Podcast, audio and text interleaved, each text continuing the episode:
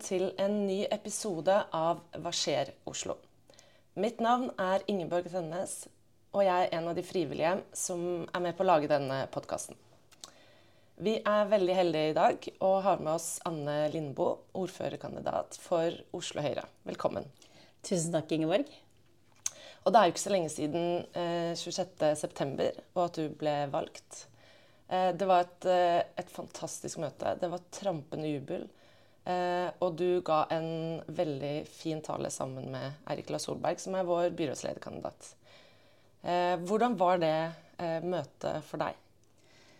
Det var nesten litt sånn ut av kroppen-opplevelse. For jeg er jo veldig ny i politikken. Jeg har jobba interessepolitisk, spesielt for barn og unges rettigheter som både barneombud og med private barnehager tidligere. Eh, men jeg er jo veldig ny som partipolitiker i Høyre. Og det å plutselig stå der i ordførersalen med Fabian Stang på bakerste rekke og så mange fantastiske, flinke både politikere og, frivillige til stede, mm. det, var, det, var, stort. Mm. Eh, og ja, jeg må nesten kalle det en merkedag i livet. skjønner jeg. Og det var et møte som ga mye mm, entusiasme. Så det, det skal du vite. Og nå er du heltidspolitiker. Eh, du har eh, jobber ut fra her på Høyres Hus.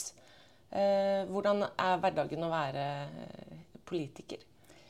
Hverdagen er helt fantastisk, fordi jeg får gjøre liksom, det aller morsomste jeg vet om. Og det er å være ute og møte mennesker som bor i Oslo. Og som har forskjellige ting de er opptatt av, eller forskjellige utfordringer. Det kan være Alt fra skoler og barnehager og idrettsklubber og helsetilbud og små eh, bedrifter. Um, og, og, det å få møte mennesker eh, som er opptatt av noe, mm. eh, og, ting som berører dem i sine liv, og så mm. faktisk få lov til å få muligheten til å gjøre noe med det. Mm. Det kan jo ikke bli bedre enn det. Mm. Det er veldig fint. Men vi har jo et tema for dagens podkast, og det er kvinnehelse. Jeg vet det er et tema du du er eh, opptatt av. Eh, og vi er jo så heldige at du også er lege. Og jeg tenkte vi kunne starte med at du kunne prøve å forklare oss litt hva egentlig kvinnehelse er. Kvinnehelse det er et område som har vært nedprioritert utrolig lenge. Og det dreier seg om flere ting. Det dreier seg om helt konkrete sykdommer som eh, bare kvinner får. Eh, Kobla opp til at vi faktisk er kvinner, og anatomien vår. Eksempler på det er jo eh, endometriose, f.eks., som er eh, forandringer i, i, livmoren som kan gjøre det veldig vanskelig å bli gravid, og som kan gi store smerter. Det er mange typiske kvinnesykdommer som man har både altfor lav kunnskap om og forsker for lite på. Mm. og så er kvinnehelse også det at kvinner ofte får Sykdommer som også menn får, men eh, symptomene kan være helt annerledes. Mm. Hjerte-karsykdom f.eks. Vi vet at mm. kvinner som får hjerteinfarkt, det kan se helt annerledes ut enn eh, om en mann får det. Og så er det for liten kunnskap om det. Og så risikerer man å ikke fange opp de, de kvinnene som, eh, som, faktisk har alvorlig sykdom. Og det tredje er jo kanskje sånn klassisk omkring liksom, graviditet og fødsel og barseltid og sånn. Mm. Foreløpig er det jo bare fysiske kvinner som kan få barn. Mm. Og Overgangsalder er en annen ting. Det er mm. ting kvinner går gjennom som, eh, som eh, man bryr seg altfor lite om. Mm. Vi skal liksom bare bite mm. tenna sammen og stå i det mm. Eh, og bare fikse det. Mm.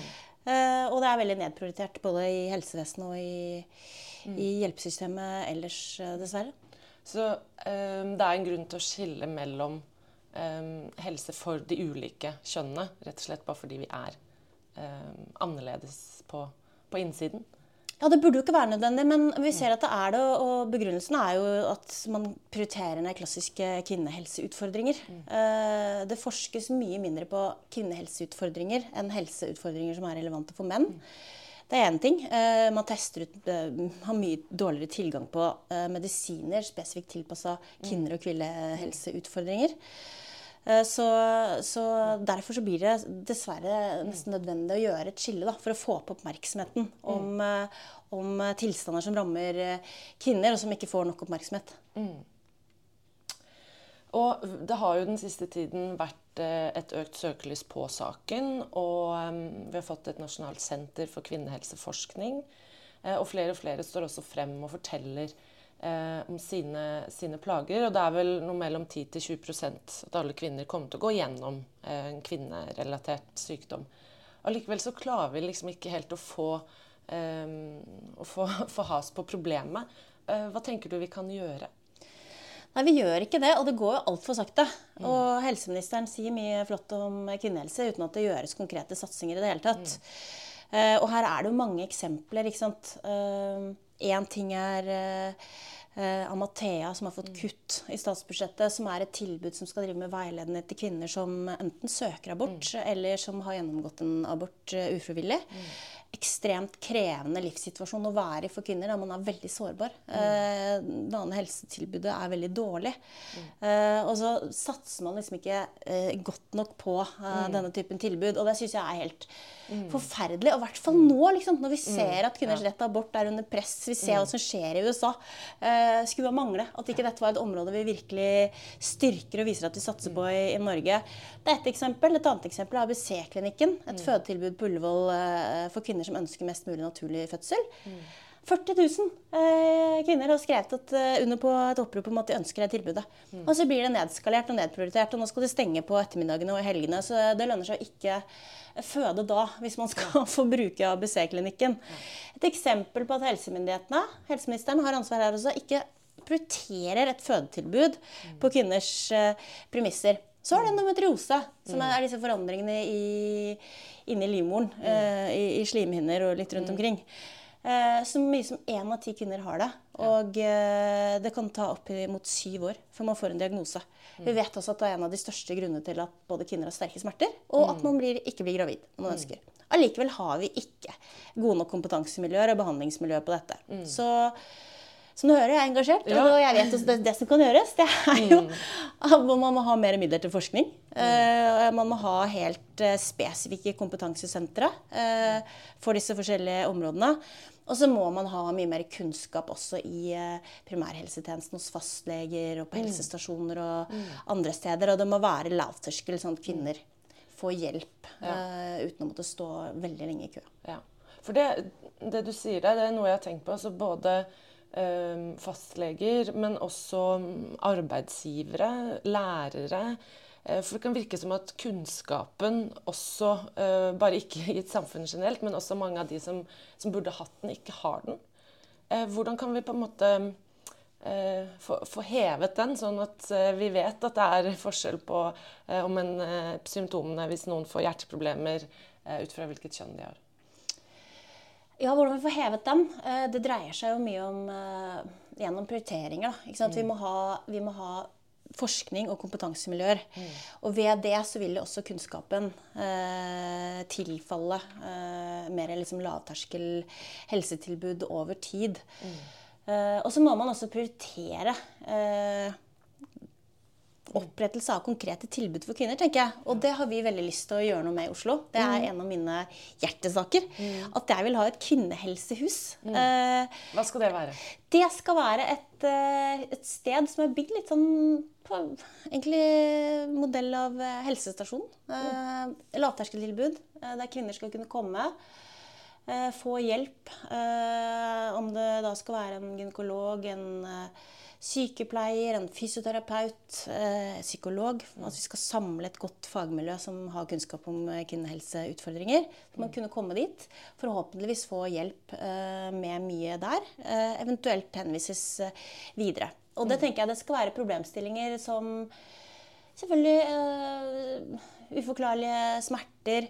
Mm. Det kan være overgangsalder. Altså, mm. Det er noe vi alle skal gjennom som kvinner, og det er bare man snakker ikke om det. Uh, I hvert fall altfor lite. Mm. Og så er det en kjempestor omveltning som gjør at vi mange får veldig store utfordringer med dårlig søvn, depresjon. Uh, hetetokter. Uh, og så får man liksom bare beskjed fra fastlegen om å bite tenna sammen. eh, og deal with it. Så han kan jo ikke Mm. Det blir ikke være mindre tabu av det. Nei. Muskel-skjelettplager. Masse kvinner som har det. En av de største grunnene til eh, sykemeldinger og uføretrygd. Eh, og da kan det gjøres så mye hvis man bare kommer tidligere inn. Så jeg ønsker et senter der kvinner skal kunne komme og få hjelp. Og det må selvfølgelig helst være i samarbeid med andre som er flinke på dette. F.eks. Sanitetskvinnene. Ja, ikke sant. Så bra. Så det du sier, er jo at uh, det finnes en løsning der. Uh, hvis vi bare klarer å prioritere, uh, så kan det være at man, man, kvinner får det, får det bedre, og at samfunnet som helhet kan få bukt med løsningen. Absolutt. Og jeg tenker at vi kvinner vi har vi har vært altfor snille altfor lenge og holdt for mye kjeft og tenkt at vi bare skal stå i det. Men eh, nå er heldigvis de tider over.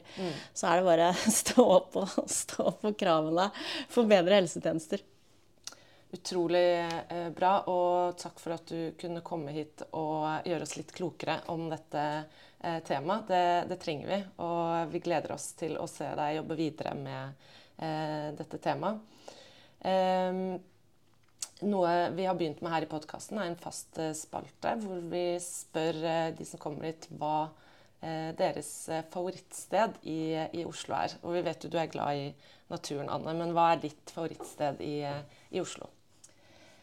Det er vanskelig å velge, eh, så jeg tror kanskje jeg må si et par. Eh, Et av favorittstedene mine er eh, klatresenteret på Skullerud. Jeg er veldig glad i å klatre, eh, og det er fantastisk eh, tilbud der man kan leke seg i klatreveggen når det ikke er mulig å, å klatre ute. Så det anbefales på det varmeste både for store og små. Skikkelig gøy. Eh, Så er jeg glad i å klatre ute, og da er det jo mange forskjellige steder man kan gjøre det i Oslo. Jeg er også veldig glad i Marka. Sognsvann er jo rett ved der jeg bor. Inn til Ullevålseter. Eh, Skjennungstua. Verdens beste kanelboller. Eh, langt inn til Kikkut også, hvis man eh, virkelig føler for å tømme seg helt. Så jeg bruker Marka mye også. Jeg elsker å sykle og gå på ski der om vinteren. Så bra. Um, tusen takk for at du kom, Anne. Eh, takk til alle dere som hørte på.